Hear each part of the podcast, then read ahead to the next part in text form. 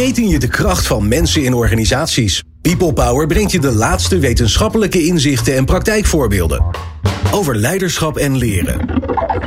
Betrokkenheid en bevlogenheid. Inzetbaarheid en inclusie.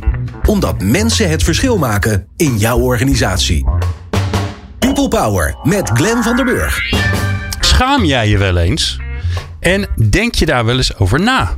Waarom je je eigenlijk schaamt en wat schaamte eigenlijk is? Nou, in haar nieuwe boek Nooit meer doen alsof leert hoogleraar Aukje Nauta je hoe je van je schaamte je kracht kunt maken. Met prachtig wetenschappelijk onderzoek en persoonlijke verhalen, vooral van haarzelf ook, laat ze zien hoe je deze emotie kan inzetten als wegwijzer naar wat je stiekem het liefste wil. En wij hebben een klein uurtje met Aukje om een inkijkje te krijgen in het mooie boek. En jullie kunnen natuurlijk via LinkedIn Live schaamteloos al je vragen stellen. En wij zijn natuurlijk heel blij dat je luistert naar People Power. People Power met Glenn van den Burg. Aukje, wat ongelooflijk leuk dat je er bent. Vind ik ook. Ehm, ik heb lang uitgekeken naar dit moment. Langer dan menigeen. Want ik, was, uh, uh, ik voelde mij zeer bevoorrecht. En dat is niet overdreven dat ik jouw boek mocht proeflezen. Dus ik heb uh, voor een belangrijk gedeelte, denk ik ongeveer, nou, anderhalf jaar geleden, denk ik. Al. Ja, ja, het was volgens mij mei vakantie 2020. Klopt. Kreeg ik van jou de, ja, de eerste versie. En, uh, uh, en ik ben een kritisch lezer. Misschien inhoudelijk nog niet zo heel kritisch, maar wel of ik, het, of ik er niet bij in slaap val. En of ik het een beetje lekker geschreven vind. En ik vond het toen al, en het is alleen maar beter geworden in versie 2, 3, 4, 5 en 6, denk ik. uh, ik vond het toen al een heel leuk boek. Leuk, superleuk om dus, te horen. Ja. complimenten en gefeliciteerd. Uh, ik heb het niet nog een keer gelezen. Dat moet ik je heel eerlijk zeggen. Ja. ja, dan heb je wat gemist. Toen doe ik weer de meivakantie. Ja. Um, ik heb lang nagedacht over wat ga ik je nou als eerste vragen. Want ik kan natuurlijk beginnen bij wat schaamte en zo. Dat gaan we zeker ook doen. Maar ik wil beginnen bij wat wil jij stiekem eigenlijk het liefste? ik wil stiekem eigenlijk het liefste een heel simpel, eenvoudig leven. Uh, uh, ja, waarin ik het goed heb met de mensen om me heen. Uh, en ondertussen uh, qua werk dingen doe die ik leuk vind en goed kan. En waarvan ik het idee heb dat ik iets bijdraag. Nou, dat ja. is natuurlijk echt heel erg algemeen. Ja, dat, dat kan, dit had iedereen kunnen iedereen zeggen. kunnen zeggen. Ja. Hè? Maar als ik dat dan specifiek maak. Nou, ik heb twee lieve dochters met vriendjes die ik regelmatig wil zien. Ik heb een hele lieve vriend. en het is een beetje complicated. maar ja, daar, daar ja. wil ik het ook goed mee hebben. En nou ja, ik, ik vind het ontzettend leuk om dit boek geschreven te hebben. En ik ben echt wel op een missie. He, dus, uh, ja, wat dan? Nou ja, die missie is uh, dat we uh, openhartige gesprekken hebben. Uh, ja, waarin we nou, onze ziel en zaligheid delen. Althans met mensen die voor ons belangrijk zijn. En dat zijn natuurlijk in eerste instantie onze familie en, en vrienden. Maar met collega's brengen we ook ontzettend veel tijd door op de werkvloer. en dan is het jammer als je dan de hele tijd denkt van... Goh, kan ik dit wel zeggen? Mag ik eigenlijk wel iets niet weten of iets niet kunnen? En als ik dat dan deel, is dan onmiddellijk mijn carrière helemaal naar de maan. Het zou zo mooi zijn als we onze angst en schaamtes een beetje nou, aan de kant durven te schuiven. En in plaats daarvan gewoon eerlijk durven zeggen als we ja, iets niet weten of iets niet kunnen. Ja. Hoe weet je nou of je je ergens voor schaamt?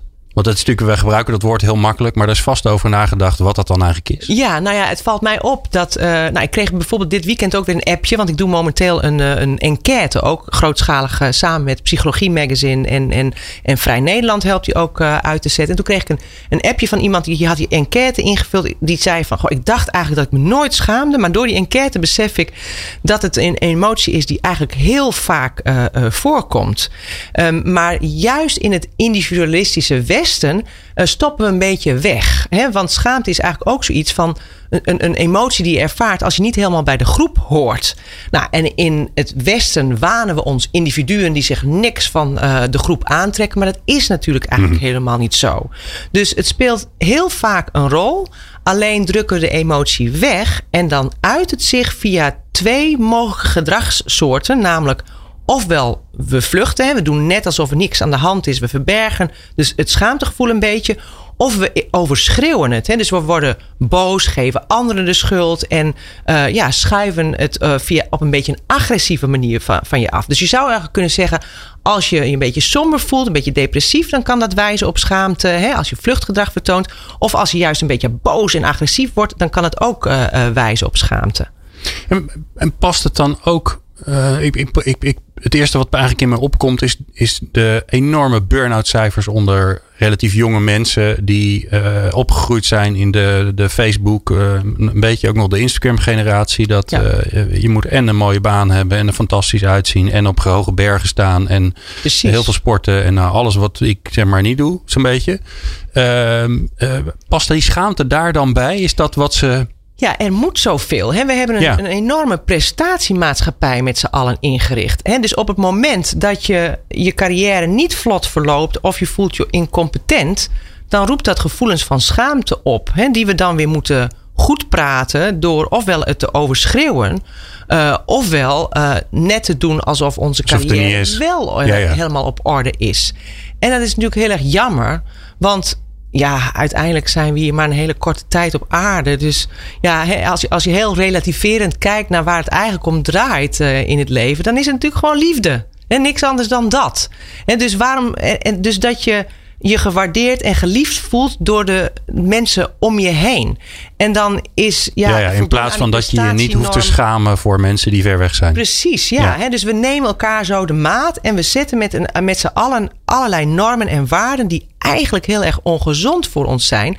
En die allerlei onterechte schaamtegevoelens oproepen.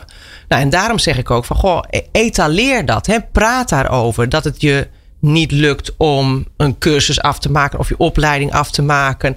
En dan uh, en, en ja, heb het er dan vooral over van waar je wel in van waarde kunt zijn, zodat je je leven zodanig kunt inrichten dat je zelf blij uh, wordt en een aantal nou, saillante anderen in je omgeving ook. Als je dan, eh, als je dus die schaamte, als je daar niet op reageert door het over te hebben en te zeggen van, of te benoemen, door te zeggen, zo, ik schaam me nu echt. Uh, tegenover de mensen die je echt lief zijn. Maar je, je doet net alsof. Of je gaat inderdaad overschreven, boos doen, weet ik wat allemaal. Wat, is het, wat kan het effect daarvan zijn?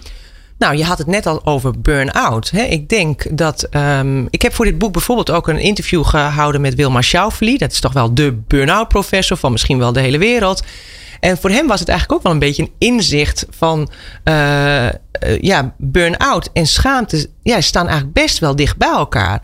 Ja, als je ook kijkt naar uh, onderzoek, dan blijkt er een, een flink hoog positief verband te zijn tussen schaamtegevoelens en depressieve gevoelens, die ook vaak samenhangen met burn-out. Echt een voor de WizKids onder ons die van statistiek houden, een correlatie van punt 43. Dat is best erg hoog. Want 1 is volledige correlatie, toch? Of 0? Ook van de ja, twee ja, 1 zal het wel zijn. 1 of min 1. Hè? Dus uh, plus 1 is volledig positief verband en min 1 een volledig negatief verband. Hè? Hoger uh, leidt tot laag, nou, et cetera. Goed, goed dus hoef ik ja. hoef nee, natuurlijk geen statistiekcollege te geven. Ik wist het niet, dus ik denk, ik kan me gaan schamen. Ik kan het ook gewoon vragen. Ja, precies. Toch? Nou, dat is waar het om gaat. Je hebt de kern van het boek helemaal begrepen. Nou, dit was Aukje Nauta. Leuk dat je er was. ik kwam weer naar huis.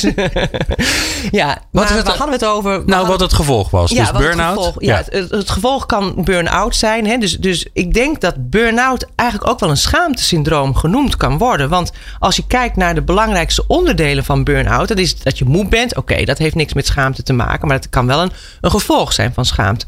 Uh, je voelt je incompetent dus gevoelens van incompetentie. Nou, daar kan je natuurlijk gemakkelijk voor schamen. Um, en vervreemding, of, of ook wel depersonalisatie genoemd. Het burn-out syndroom is ooit in het onderwijs en in de zorg uitgevonden. En dus dat je eigenlijk eh, de mensen om je heen eigenlijk maar helemaal niks vindt. En dat, dat, dat is een gevoel van: ik wil er eigenlijk niet zijn in relatie tot anderen. Hm. Nou, schaamte is vaak een gevoel van ja, dat je bang bent voor afwijzing. En het overwinnen daarvan betekent dus dat je nieuwe verbindingen met mensen wilt maken. Dus als je je niet verbonden voelt, zoals het geval is bij burn-out, ja, dan is er vaak schaamte in het spel. Wat is het laatste waar jij je voor hebt geschaamd? Er staan een paar mooie voorbeelden in het boek. Grappige voorbeelden ook. Uh, verdrietige voorbeelden. Allerlei mooie voorbeelden. Maar even van de afgelopen tijd. Ja, nou ja, net nog. Oh, net nog? Ja, toen, oh. toen struik, nee, ik, ik, liep de hele tijd hier de verkeerde kant op. Want ik, je, je hebt hier een nieuwe studio, hè? Ja, ja. Dus ik liep gewoon naar de oude studio en keek even op mijn app. En ik dacht, hoe kan het nou? Ik raak steeds verder verwijderd van waar ik ben. Dus toen ging ik een beetje hardop roepen. Zo van, ik snap er helemaal niks van. En toen keek iemand zo'n naam en die lachte me een beetje uit. Nou ja, dat, dat is dus een schaamtegevoel wat ik dan onmiddellijk daarna heb. Ja. En wat, uh, voel, wat omschrijf eens wat dat, wat dat gevoel dan is.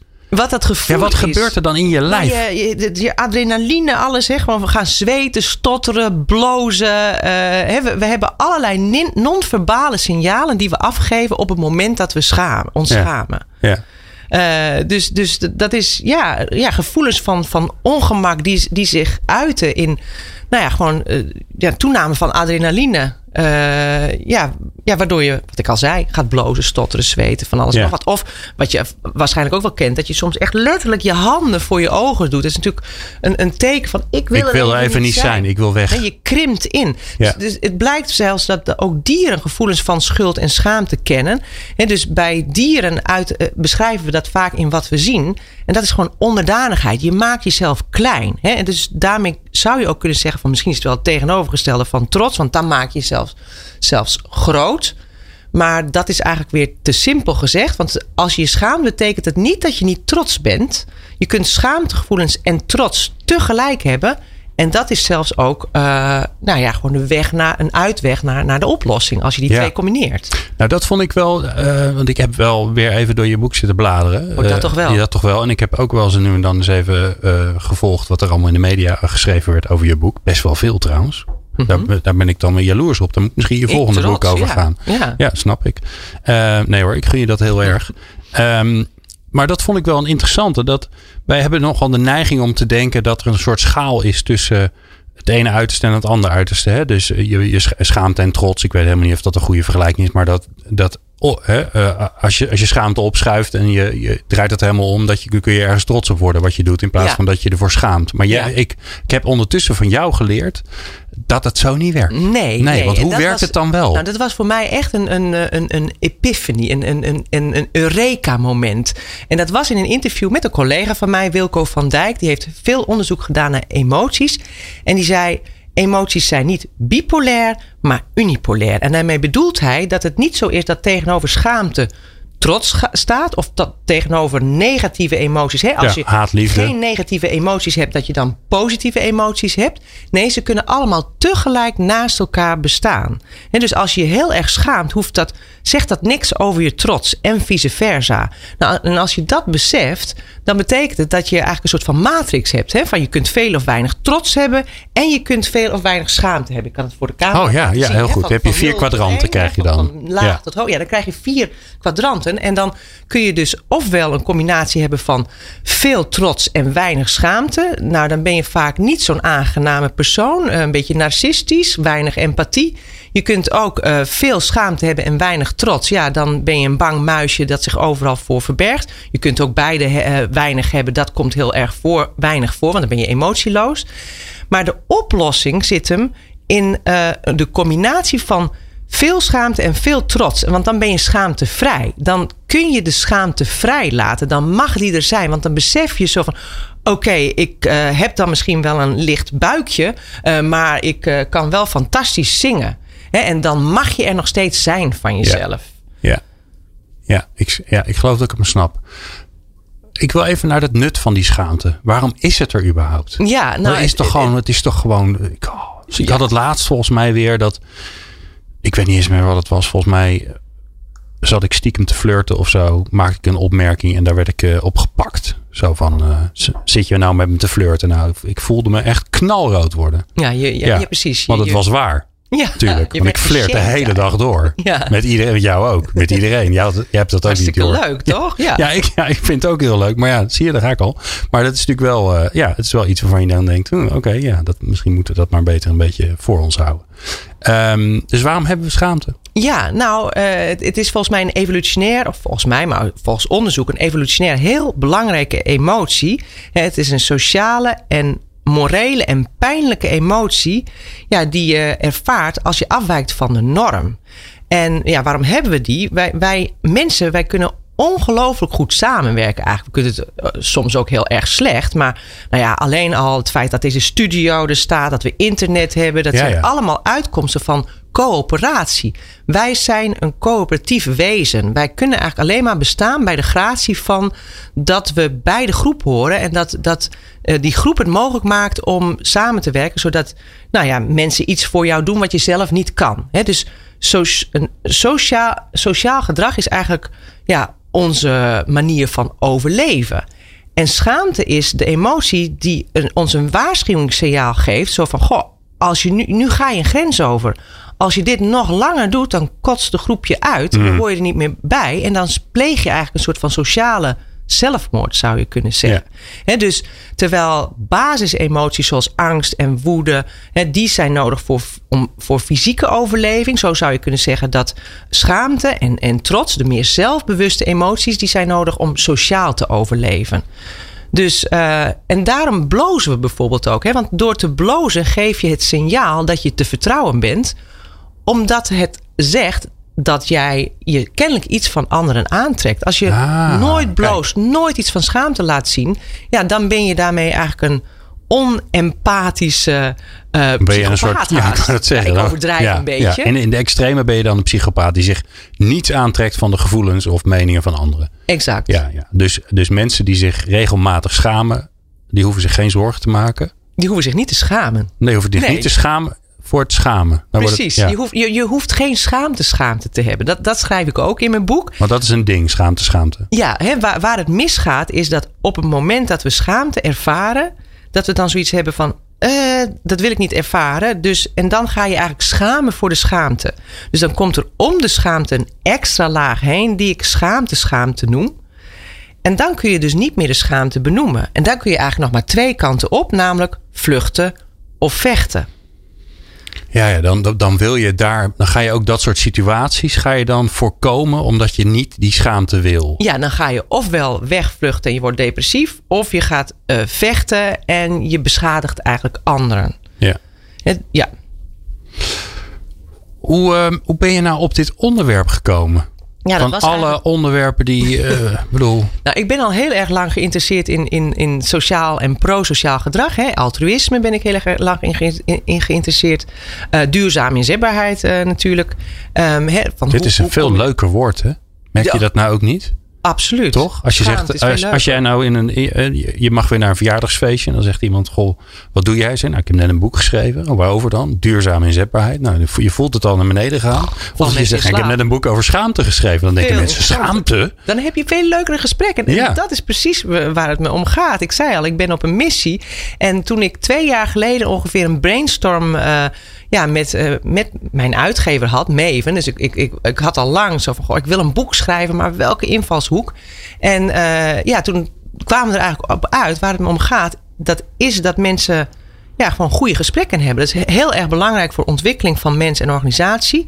En toen kwamen we erop uit, ja, maar die gesprekken die zijn eigenlijk nooit goed. Die, die, hè, we draaien eromheen, we zeggen niet wat we op ons hart hebben. Dus het zou zo mooi zijn als we schaamteloos leven, durven leven en werken. Ja, Nou, dat, was je eigenlijk jouw werktitel, hè? Dat was ja, schaamteloos leven en werken. Ja. Dus het eerste wat ik toen gedaan heb, is daar een lezing over ontwikkelen. Om eens uit te testen van goh, wat, wat landt en wat vinden mensen leuk. En, en wat haakt aan, waardoor er een, nou ja, een sfeer van energie en, en vrij stromende gesprekken eh, ontstaat. Nou, en ja, op basis daarvan ben ik eigenlijk ook meer en meer, want er is heel weinig onderzoek naar schaamteloosheid. Dat is eigenlijk een soort van ehm, eh, synoniem voor lomp en bot en brutaal gedrag. Terwijl, ja, er is heel veel onderzoek naar schaamte. Dus zo kwam ik op, op het onderwerp schaamte. Nou, en ja, dat vond ik zo ontzettend boeiend. Juist omdat het twee kanten heeft. Hè. Aan de ene kant is het negatief pijnlijk. Maar aan de andere kant is het ook een emotie die je wijst op hoe je eigenlijk wilt zijn. Dus, het is een, en dus ontstaat spanning tussen wie je bent en wie je graag wilt zijn. En die maakt ja, dat je de wereld en anderen gaat onderzoeken hoe het beter kan. Ja. Daar gaan we zo naartoe. We gaan even ook gewoon netjes de structuur van je boek volgen. Zodat mensen weten wat ze een beetje kunnen verwachten. Een beetje, want je kan natuurlijk nooit in een uurtje alles. eh, maar we gaan eerst naar een van onze kijkers eh, op LinkedIn. Lucas van Wees. Hoi Lucas, wat leuk dat je een vraag hebt gesteld. Ehm, ik lees hem gewoon even voor voor je. Dag Aukje, hoe moeten we omgaan met bijvoorbeeld vlieg- of vleesschaamte? En hoe om te gaan met culturen, bijvoorbeeld Japan, waarin het voorkomen van schaamte heel belangrijk is. En bieden sociale media niet de mogelijkheid om input te geven zonder schaamte? Nou, het zijn drie vragen. Drie dus vragen. laten we die eerste maar eens even pakken dan. Vlieg of vleesschaamte? Ja. Wat is dat nou weer? Ja, nou ja, dat is natuurlijk een, iets wat begonnen is met eh, een, een Zweedse singer-songwriter, Stefan Lindberg. Eh, die eh, zei in 2017, geloof ik al, zo van: Goh, ja, ik moet dan de hele wereld over. Maar daar schaam ik me voor, want ja, dan moet ik de hele tijd vliegen. En, en dan ja, schaad ik eigenlijk het milieu. Dus die Ja. heeft eigenlijk de term vliegschaamte, vliegskam in het Zweeds, gemunt. En dat was eigenlijk een aanleiding om voor heel veel mensen te beginnen over vleesschaamte, eh airco-schaamte, houtkachelschaamte. Hè. Dus ineens werden we overspoeld met allemaal schaamtes die te maken hebben met, eh, met het klimaat. En met dat het klimaat eh, aan het veranderen is op een manier. Is dat, nou is dat nou schaamte of schuld? Ik heb het zelf ook gehad. Hè? Ik, Ja. stond, nou ja, ik doe ook veel over duurzaamheid. Dus ik stond met mijn saap van 12 jaar oud. Die stond ik gezellig dinosauruspoep in te gooien. Zodat ik weer verder kon rijden. En, toen, en het voelde niet goed. Nee.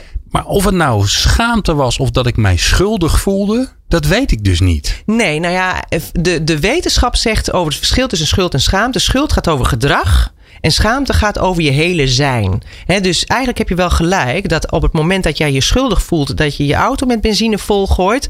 eh ja, dat is dus meer schuldgevoel dan Ja. schaamte. Maar ik vind het eigenlijk wel mooi dat die termen zo, zijn, zo eh, er zijn gekomen. Want schaamte verwijst niet zozeer naar je gedrag, maar je hele zijn. Dus dat dwingt je eigenlijk, als ik dat op wilt lossen, dan moet ik mijn hele zelf veranderen. En dat vind ik eigenlijk wel het mooie van vliegschaamte en vleesschaamte. eh, dat het dus een fundamentele trigger is voor echt nadenken over richten we met z'n allen werk en leven, eh, de hele planeet, de hele samenleving eigenlijk wel goed in. Ja. En dus ik vind het twee hele mooie termen waarover we in gesprek zouden moeten gaan. Want via goede gesprekken over moeten we nou minder vlees eten, eh, kom je ook tot gedragsverandering. Uiteindelijk is dialoog natuurlijk ook de belangrijkste manier om tot gedragsverandering eh, te komen. Mits die gesprekken een beetje de diepte ingaan en mits er ook more- morele issues eh, worden geraakt. Ja. Ja, dus die moraliteit die zit er eigenlijk in. Ja, het dus, is een dus het zou emotie. kunnen zijn dat we met z'n allen langzaamaan, in ieder geval in delen van de samenleving, toegaan naar dat als mensen zeggen, nou ja, ik, eh, ik ga weer naar Ibiza en eh, gezellig, even voor een paar dagen, dat mensen zeggen, echt waar? Precies, ja. Ik bedoel, als je nu terugkijkt naar ons verleden van een paar honderd jaar geleden. Hè, toen hadden we nog slavernij. Nou, daar, daar moet je nu toch niet aan denken. Daar schamen we ons kapot voor. Ja. Dus het zou ook mooi zijn om nu al te bedenken: van wat is nou typisch iets waar we ons over honderd jaar over voor, gaan schamen? Bijvoorbeeld dat we plastic tasjes hebben. Of Ja, dat we een witte man, of dat we een wi- witte man van middelbare leeftijd zijn. Dat is volgens mij ook weer een nieuwe schaamte. Een, een- dat je dat bent. Ja, white Ah, privilege schaamte. Ja, maar je, je doet er zo weinig aan. Ja, daar doe je weinig aan, jij. Ja, die moet je om laten bouwen. Dat is ook weer zo wat. Ja, ja, Ja. of non-binair zijn inderdaad. Of ombouw. Nee, dat, dat, gaat, dat voert wat ver. Ja. Ehm, maar je kunt als eh, witte man van een zekere leeftijd natuurlijk wel nadenken over van... Goh, waar komt die woede vandaan? En wat kan ik dan anders doen? Eh, ja, waardoor de wereld rechtvaardiger en, en inclusiever voelt. Ja, dankjewel Lucas. De, de andere twee vragen die, die hou ik in de gaten. Dat, maar jullie kunnen nog veel meer vragen stellen. Want ik weet dat jullie zitten te kijken. Dus doe dat ook vooral. Ehm, eh, even het bruggetje ook naar werk. Dus werk organiseren, nou ja, datgene waar we bij People Power over praten. Welke rol speelt schaamte daar dan in? Nou, best groot. eh, want ik vertelde net al van dat ik bezig ben met een eh, enquête. En eh, daar vraag ik een hele lijst van, lijst van schaamtes. ga ik daarbij langs. Ehm, dus ik, ik kan alleen maar een sneak preview geven. Hè, want ik, ik, ik kan nu steeds kijken van wat, wat het verloop is van de enquête. Dus de uitslag is nog niet definitief. Maar dan, dan gaat het zowel over werkgerelateerde schaamtes als over je uiterlijk en schaamte in de sportschool. Nou, maar ik weet wel dat bovenaan staan gevoelens van incompetentie. Dat mensen zich daarvoor schamen. En meteen daaronder staat dat mensen zich soms schamen voor psychische problematiek, waaronder angst en burn-out klachten. Eh, dus het speelt een hele grote rol. En ehm, een Dat ander- is een, dat is een enge. Ik, zit, ik probeer me dat dan ook te- visualiseren. Dus als je je schaamt voor het feit dat je burn-out klachten hebt. Die ook weer gerelateerd zijn aan het feit dat je je überhaupt voor dingen schaamt. Precies, dus het Jeetje, is dubbele schaamte. Ja, dat misschien is- wel schaamte, schaamte, schaamte. Hè? Och. Maar, eh, maar daarom is het zo ontzettend belangrijk om erover te praten. Want dat door je schaamte te delen, verdwijnt het. Hè? Shame dies on exposure. Aha. Je voelt je bevrijdt op het moment dat je je schaamte vertelt aan iemand en die brandt je niet meteen af. Dat laatste is wel belangrijk. Dat laatste is heel erg belangrijk. En daarom is het ook zo belangrijk om kleine stapjes te zetten. Hè? Dus dat je het eerst deelt met mensen die je vertrouwt. En daarna pas met mensen bij, bij wie je dat, dat minder hebt. Dat maakt het ook lastig. Hè? Je hebt vertrouwen nodig om schaamte te delen. En door je schaamte te delen bouw je vertrouwen. Hè? Dus het is een, een, opwaartse spiraal. Maar op het moment dat je afgestraft wordt, dan, dan, val je meteen weer in de put. Dat is ook de reden waarom we het zo moeilijk vinden. Dus wat is je tip voor iemand die, die eh, zeg maar aan de, ontvangende kant staat? Dus iemand komt, iemand die dichtbij je staat, komt naar je toe en die vertelt over haar of zijn schaamte. Hoe, hoe kan je het best reageren? Luisteren. Ja. Oordeelloos luisteren. Empathisch zijn. En, uh, ja, en, en doorvragen. En uh, kun je er nog wat meer over vertellen? Het samenvatten, zodat het voor diegene eigenlijk helemaal helder wordt. En niet meteen zeggen wat diegene wel of niet moet doen. Hmm. want daarmee stop je iemand meteen weer in een soort van hokje en stel je ook een beetje dominant op.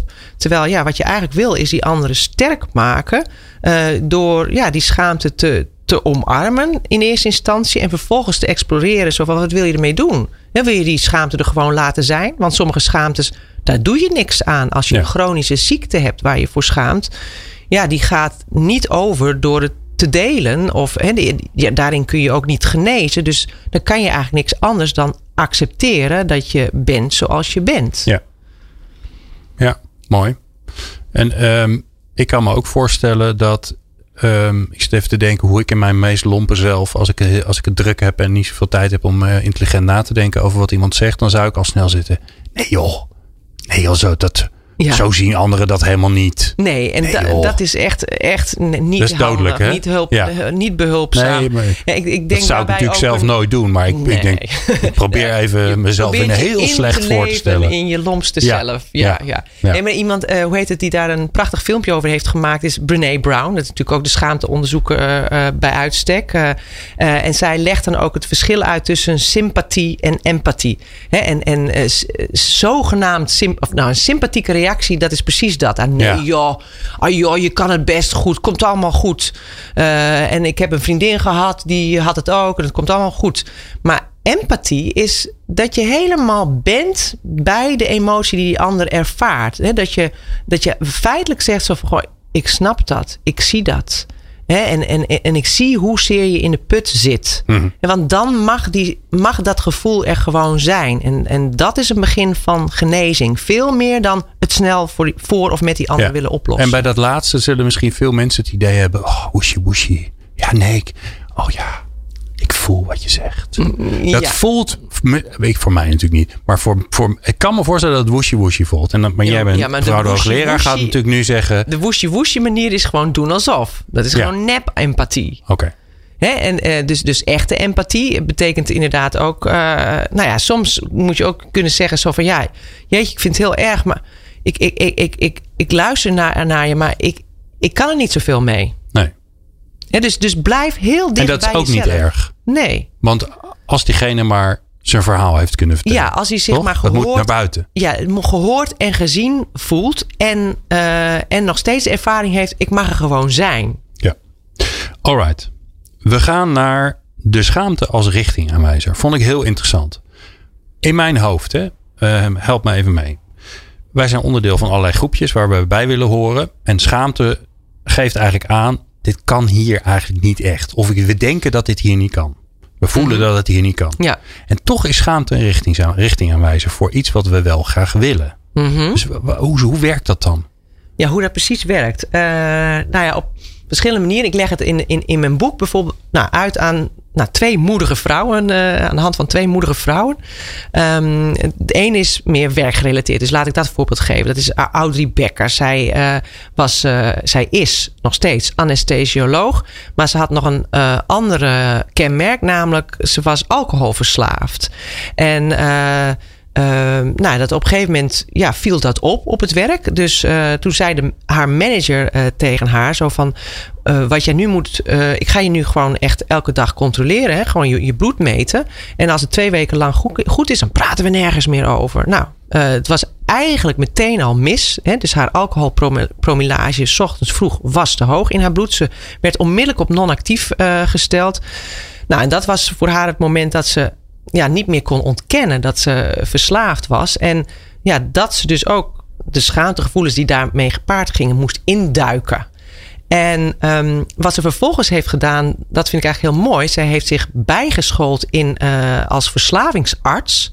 Um, en ze heeft een website opgericht, doktersindeknel.nl, waar uh, ja, collega-dokters die ook met verslaving kampen, haar 24-7 kunnen bereiken. Dus zij heeft van schaamte echt haar krachtbron hm. te maken door er helemaal in te duiken, af te kicken. Dat vond ze eigenlijk nog het makkelijkste.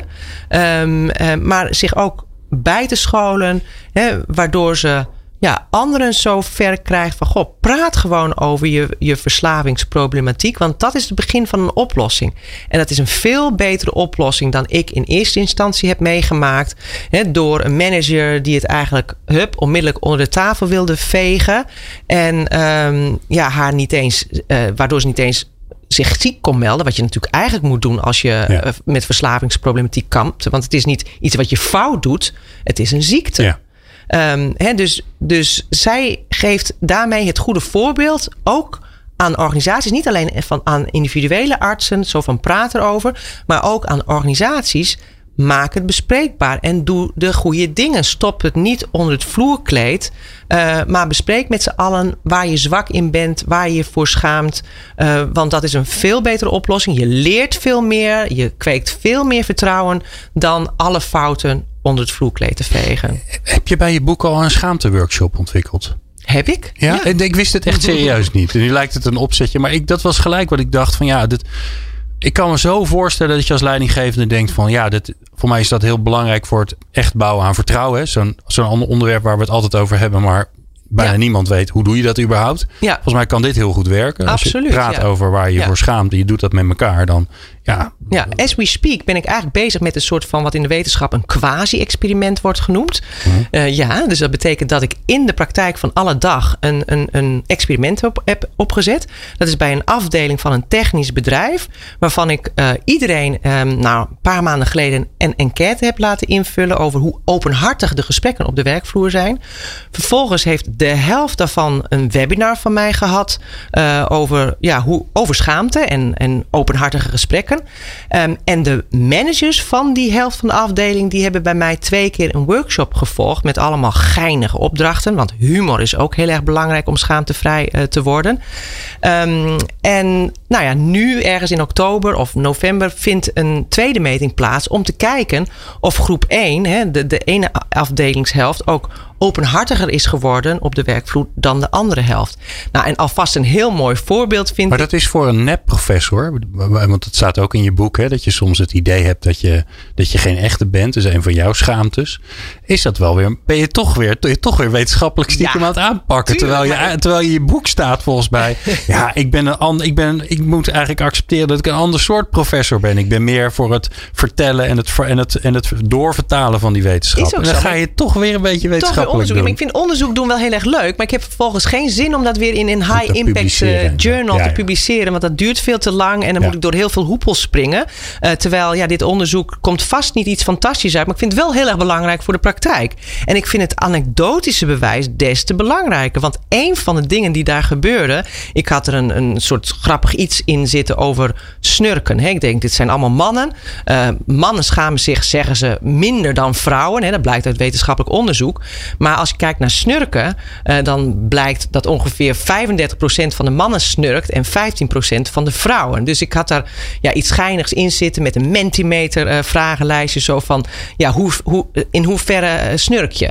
En snurk je misschien wel zo erg dat je s'nachts met een apneumasker slaapt. En dan heb je een of ander lelijk iets met een slurf op je hoofd om ja. de nacht uh, levend door te komen. Ja. En toen was er één iemand die had aangegeven: ja, ik uh, heb zo'n zo'n apneumasker. Nou, paar maanden later gaf ik die workshop. En toen was een van die uh, managers, die zei ik moet even weg. En toen kwam hij terug en toen zei hij ik was bij de kaakchirurg. Want ik heb mezelf net een apneumasker laten aanmeten. Omdat ik was diegene in het webinar die aangaf dat ik uh, ja, zo erg last had van het snurken. Dat ik daar echt wat aan moest doen. Ja. En ik vond het zo mooi dat hij dat openlijk in de groep deelde. Want er, nou ja, lach viel er natuurlijk ten deel. Maar behalve dat ze er met z'n allen heel erg om konden lachen ja, kweekte het natuurlijk ook een soort van intimiteit. waar je in mijn ogen nog maanden verder uh, op kunt borduren. Sterker nog, dat kun je weer aanhalen om te benadrukken hoe belangrijk het met elkaar is om openhartig te zijn. Ja, ja mooi. Ja, heel mooi. Um, en hoe werkt dat dan met die richtingaanwijzer? Misschien moeten we gewoon een voorbeeld van jou uh, nemen. Ja. Dus waar, schaam, waar voelde jij schaamte en wat, waar, waar, waar richtte zich dat op? Nou, waar, wat ik was schaamde me een beetje voor jou, Glenn. nee, ik heb hier altijd zo'n column, hè.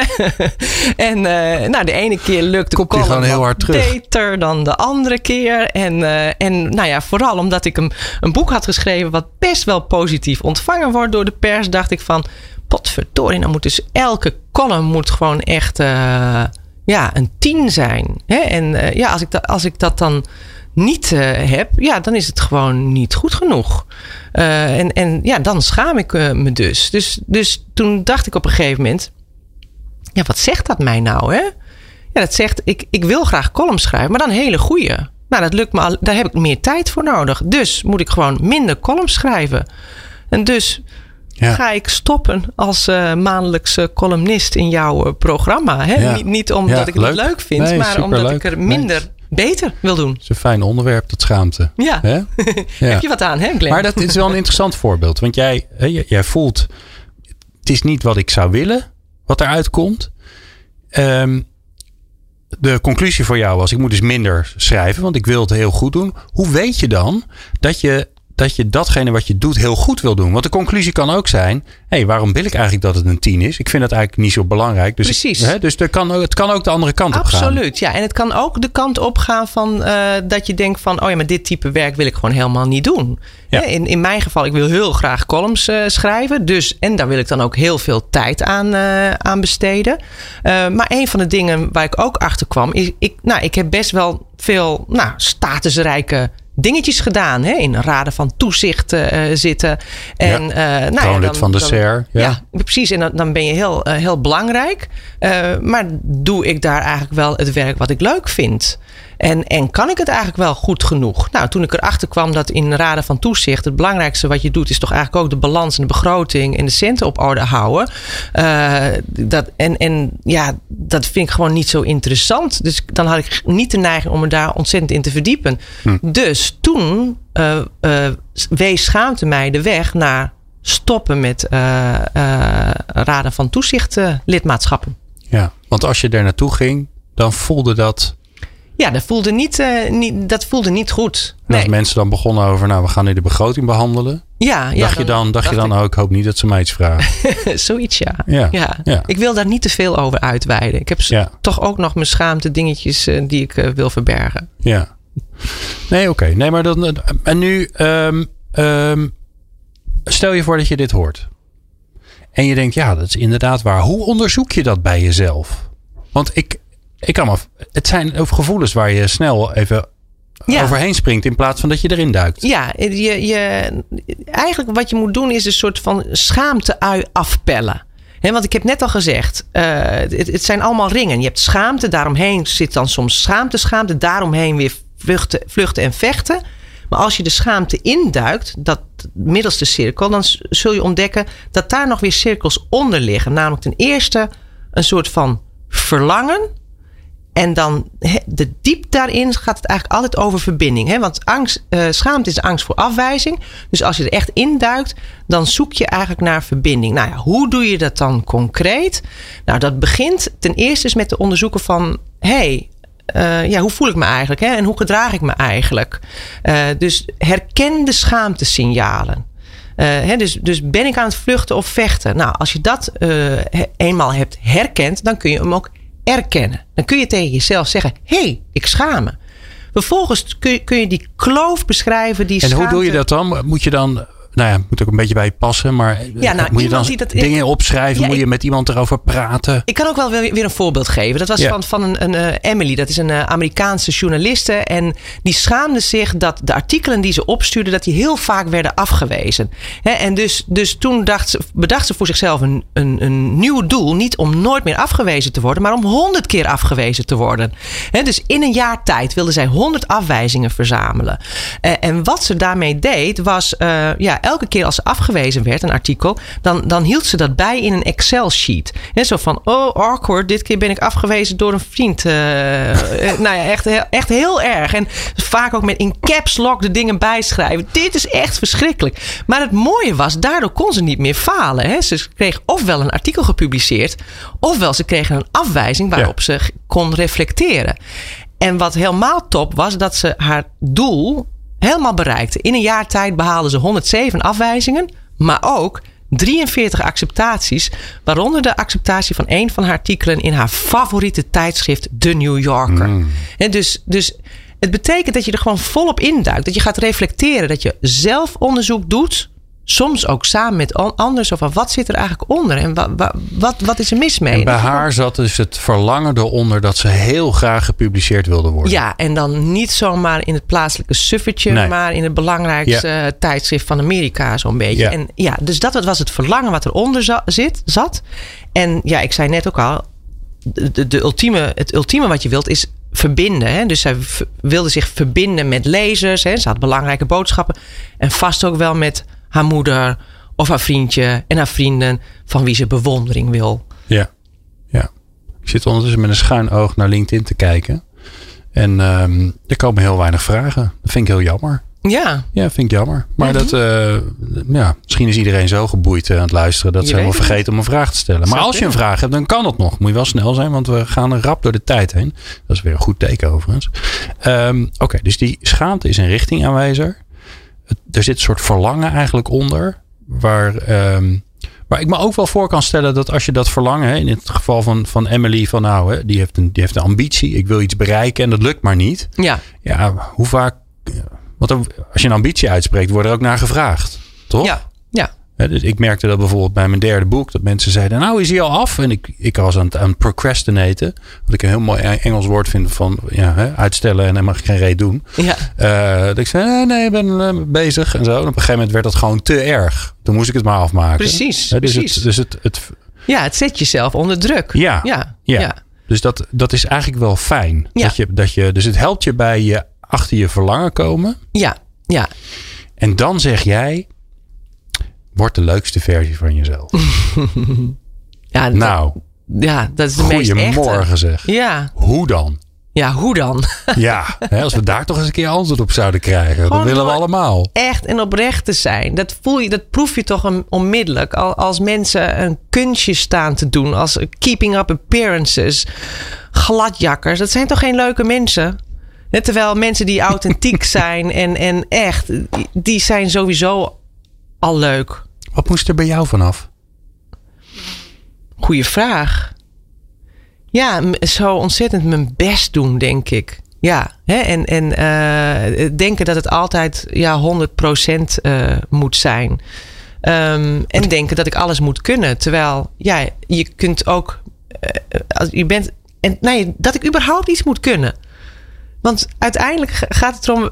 Ja, we zijn gewoon mensen van vlees en bloed die er sowieso mogen zijn. Hè? Ja. Dus, dus er moest bij mij vooral af die, die impostergevoelens van eh, ik, ik, ik kan niks, dus ik mag er niet zijn. Terwijl, ja, sommige dingen kan je wel en andere niet. En eh, voor he- heel veel mensen in, in, omge in je omgeving ben je super waardevol alleen al doordat je er bent. Ik moet zo lachen. Ik, ik, ik was me in mijn hoofd aan het eh, voorbereiden. Terwijl ik iets totaal anders aan het doen was eh, voor dit gesprek. Dat werkt altijd het beste. En toen dacht ik terug aan de eerste keer dat wij elkaar ontmoetten. Ik weet niet meer precies hoe het ging. Maar ik weet wel dat ehm, eh, ik had jou gevraagd om me kennis te maken. Omdat ik al snode plannen had. Ik denk, nou die wil ik bij mijn programma betrekken. Want eh, ehm, eh, nou ja, laten we wel zijn. Je bent nog steeds de autoriteit als het gaat om dat saaie woord duurzaam inzetbaarheid. Dankjewel. Um, uh, overigens moet je daar volgens mij uh, lekker mi steeds minder mee doen. Maar dat is weer een heel ander verhaal. ik ga het koppelen aan schaamte. Advies, advies waar je niet op zit te wachten. nee, ik ga het koppelen aan schaamte. Want die twee zijn belangrijk om aan elkaar te koppelen. Maar ik weet wel dat ik... Ik, ik had toen een beetje schroom om dat te doen. Maar jij was toch een beetje ook een... Hoe zeg je dat? Nou, ik ga het me gewoon ongezout. Beetje een ijskonijn. Kwam je over Dankjewel. voor mij. Mm -hmm. um, en toen, ik weet nog dat je zei: Oh ja, oké, okay, nou laten we, dan maar, laten we dan maar een kopje koffie drinken. Dat ik dacht: Oké, okay, nou, thank God, ik mag bij mevrouw langskomen. En dat was toen een heel leuk gesprek en toen werd het steeds leuker. En als ik nu lees, en ik kijk überhaupt als ik met jou praat in je columns van de afgelopen tijd, die allemaal overigens prima negen waren.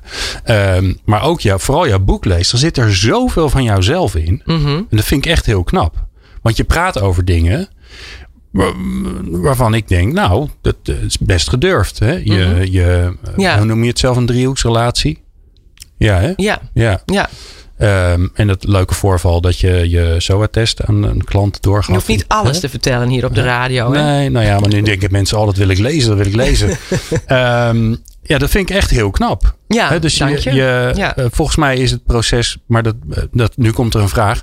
Vol- volgens mij ben je door de loop van de jaren door dit ook weer dichter bij jezelf gekomen. Ja, zeker. Ja. En, en eh, dat is ook eigenlijk een van de eh, nou ja, inzichten die ik kreeg. Ehm, als ik wetenschappelijke literatuur lees, dan is het vaak heel abstract en saai. Terwijl het, hè, wij, wij, psychologen zijn zelf eigenlijk ehm, ja, subject en object tegelijk. Hè? Of wij, wij onderzoeken, maar wij zijn zelf ook onderwerp van, van onderzoek. De mens.